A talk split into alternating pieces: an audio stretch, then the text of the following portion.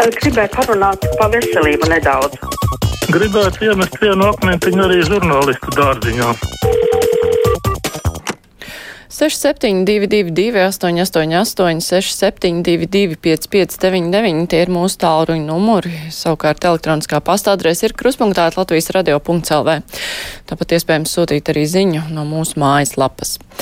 Mums eh, klausītāji zvana. Halo! Labdien! Labdien! Nu, pat tās būs vēlēšanas, bet es tai balagānā nepiedalīšos, jo mums Lauberes pagastā nu jau vai dieniņās kādi septiņi mēneši tās durvis ir slēgtas. Tātad tie cilvēki tautas priekšstāvi baidās no tautas. Līdz ar to es gribētu pajautāt, Helmanis, es pieņemu, ka būs un salā, tik tiešām malacis. E, kad viņš vērs vaļā pagastu durvis, lai tur beidzās tās e, kāršu spēles, tie porniki tais tā, e, kompjūteros, bet lai viņi sāk strādāt. Mm -hmm. nu, jā, nu, viņa vietā es uz šo jautājumu, protams, ka atbildēt nevarēšu. Klausītājs zvan, halā! Labdien!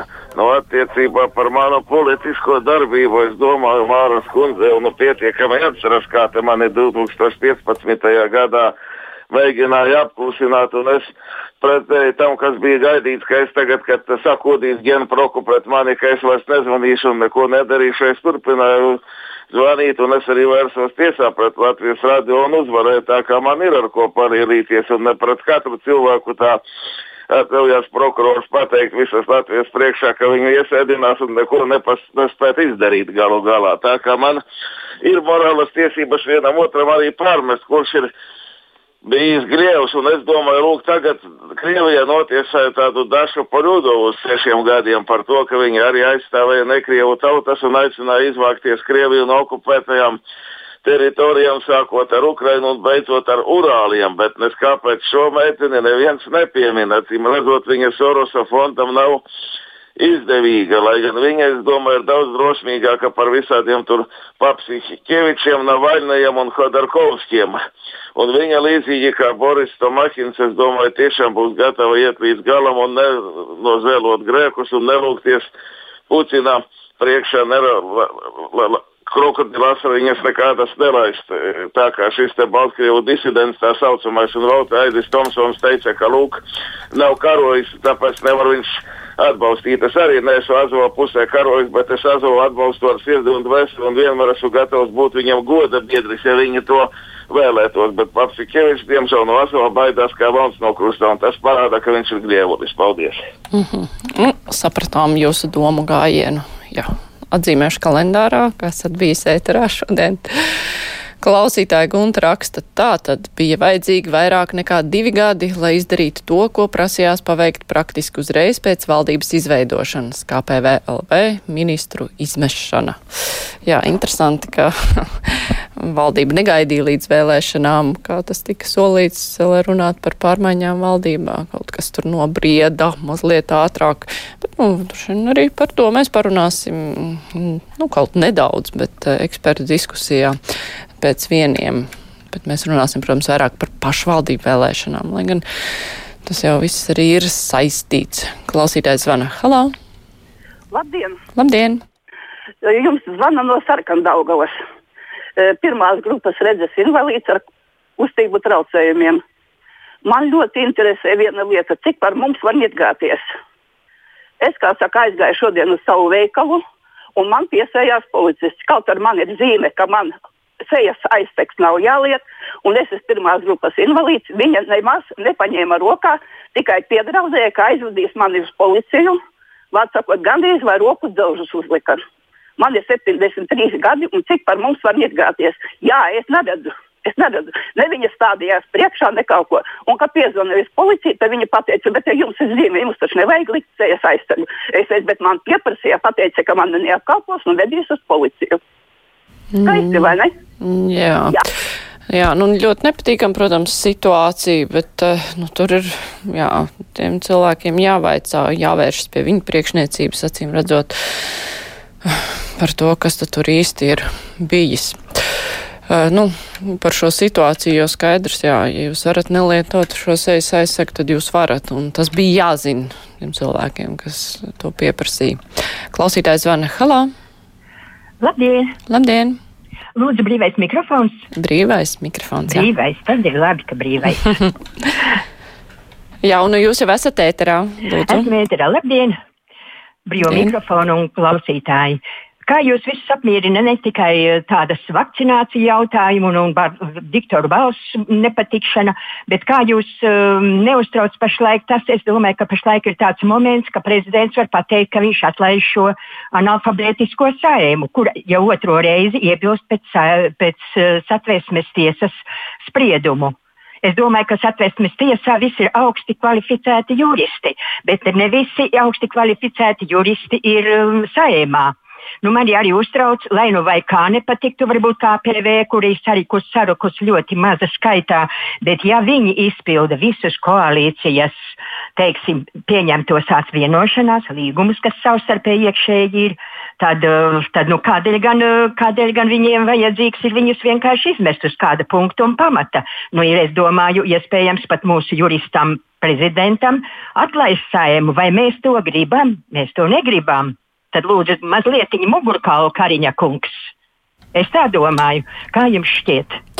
Un pie tam man ļoti patīk mūsu mazā, enerģiskā, augumā mazā, bet garā lielā izglītības ministre. Cik ilgi mēs izmetīsim valsts naudu priekš tādām skolām, bieži vien maziņām, kur vairāk ir personīgā gotiņa skolotājam tuvāka nevis bērniņa, kā lai viņi dabūtu simtprocentīgi labas zināšanas. Ir daudz tādu lietu, ko, pret ko vajadzētu protestēt, bet nevis tā galviņas noliec un dieviņam tic un apkaro vienzimumu la- cilvēkus, kas ir noskaņoti tā. Es domāju, ka kaut ko vajag mums ar galvu pārdomāt. Mēs esam gaišā gadsimtā dzīvojam. Jā, paldies. Pilnīgi piekrīt, ar galvu vajag domāt. Jā. Paldies par jūsu izsmeļošo komentāru. Klausītājs zvana Halo, Halo, krustpunktā. kruspunktā, brīvais Labrīt, mikrofons. Jā, esat ētrā. Uh, man arī ir jautājums, cik ilgi ņirgāsies par visu sabiedrību tie cilvēki, kuri negrib vakcinēties, jo viņi var saslimt. Un viņi var apliecināt arī citus, un daudzus var apliecināt. Tā kā ņirgājas par sabiedrību tie, kuri neiet vakcinēties. Paldies! Jā, paldies par jūsu viedokli. Es pie, pievienojos, ka vajag vakcinēties, jā, ka tas ir visu mūsu labā. Tā klausītājs raksta, ja JKP tiks pie labklājības ministra amata, nu raus Latvijas budžetu vaļā dos uz visām četrām malām pa 500. Tas nekas, ka nekāda ekonomiskā pamatojuma galvenais, ka skaists skaitlis iekavās ironija. Savukārt Andris raksta ļoti ceru, ka jaunais ekonomikas ministrs sakārtos tos augējas staļus SPRK ar visiem plānā galdiņu urbējiem, jo nav normāli, ka pirms 20 gadiem gāzes tarifus sadalīja gāzes plīts un apkurs, jo esot infrastruktūra jāuztur arī plītītai. SPRK atļauj palielināt gāzes tarifus, jo atkal nabaga gaso nepietiek naudas un paceļ tarifus, lai atkal uzturētu šos pašus vadus un šādas SPRK ārškājas var nosaukt desmitiem, tā raksta klausītājs Andris. Es gan nezinu, vai tur īpaši var cerēt uz kādu jaunu, ļoti jaunu ekonomikas ministru. Tā klausītājs Jānis savukārt raksta, ka viņš ir valsts robežsardzes virsnieks, ir vakcinējies, lai pasargātu sevi un savus kolēģus robežsardzē no saslimšanas ar covid, jo nav vairs jauns. Diemžēl daudz citu robežsardzes darbinieku tā vietā, lai vakcinētos, uzsāk visādas diskusijas. Daudzi laikam aizmirsa, ka pirms neilga laika robežsardzes koledžā no Covid miris 45 vet, gadus vecs virsnieks pasniedzējs. Uzskatu, ka tāda paviršā attieksme pret vakcinēšanos valsts robežsardzē nav pieļaujama un te vajadzīga stingrāka nostāja no ministrijas puses. Tā mums raksta klausītājs Jānis. Savukārt Andrejs uh, uh, raksta, ka esot ziņas, ka zemo AstraZenekas efektivitāti izteikti uzlabo otrajā devā, izmantojot Pfizer vakcīnu, kāpēc Latvijā to neizmanto. Upā, tas ir pilnīgs jaunums, ka var miksēt vakcīnas pagaidām. Gan neviens uh, Latvijā neiesaka miksēt vakcīnas, no sajaukt vakcīnas, ar ko sāk ar to turpina vismaz tajā vienā ciklā vakcinēšanās. Es nezinu, kā ir tālāk, tā ka pēc tam varbūt būs kāda vēlāka revakcinācija. Klausītājs Vana, hallo! Sveiki! Labdien! Uh, radio? Radio. Jā. Sveiki, jā, jums zvana Edgars. Labdien! Uh, tagad hokejs gan ir beidzies, bet es gribētu uh, tik skaidrībā, tur, kas uzpeldēja, ministra kungs uh, Pavļits mums uh, izstāstīja, ka redz, uh, testi tomēr nesot tik efektīvi. Un redzēs atkal citās mājaslapās, testi tiek slavēti kā ļoti efektīvi. Nu, tā, man liekas, ka vajadzētu tomēr tam pievērst uzmanību un pastāstīt cilvēkiem, kā tas īsti ir. Vai ir tā kļūda tik liela, kā viņš ministra kungs mums stāsta, vai nav. Un, ja ir, tad uh, vai nevajadzētu pievērst uzmanību tai statistikai vairāk un varbūt tad, uh, ar tiem ierobežojumiem tikt galā ātrāk.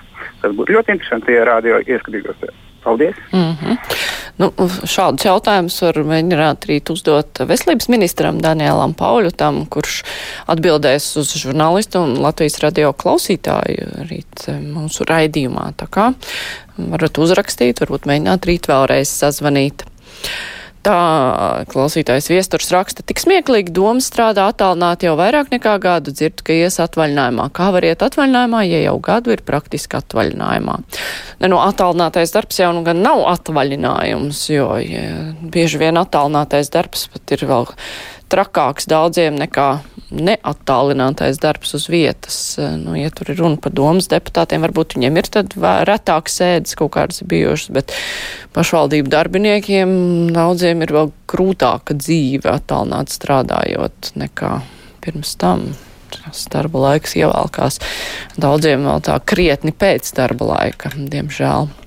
Klausītājs zvana. Halo! Labdien! Labdien! Man pārliecība, ka kamēr padomu cilvēku badā Latvijas zem mums nav cerību uz normālu attīstību, tā ir gadu laikā tikai vairojusies.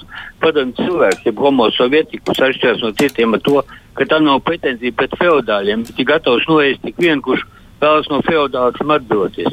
Mm -hmm. Paldies par viedokli!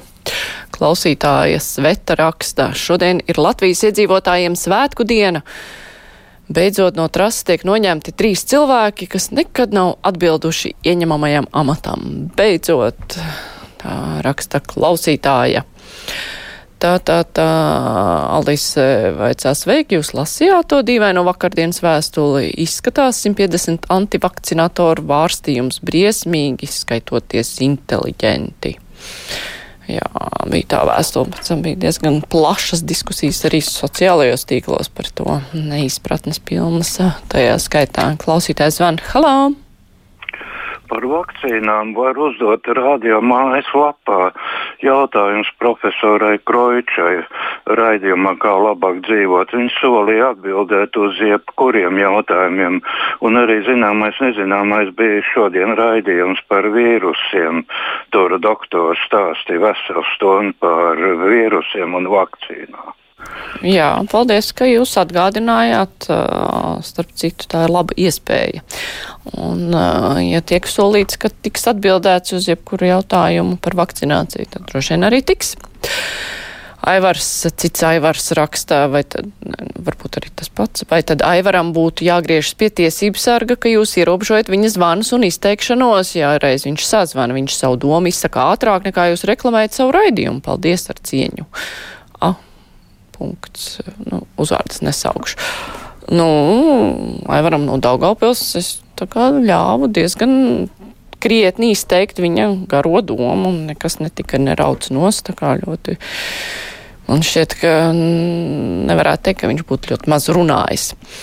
Tā vēl raksta maz piebildus kundzes teikto par vakcinēšanos. Vakcinētie arī var aplipināt. Jā, var aplipināt. Tomēr tā iespēja ir daudz, daudz, daudz, daudz mazāka. Tā arī infektologu uzsver. Paldies, brīvais mikrofons ar to arī skan. Tagad būs ziņas, bet pēc tam mēs runāsim par pašvaldību vēlēšanām, kur galvenā diena jau būs šajā sestdienā. Bet tagad ziņas.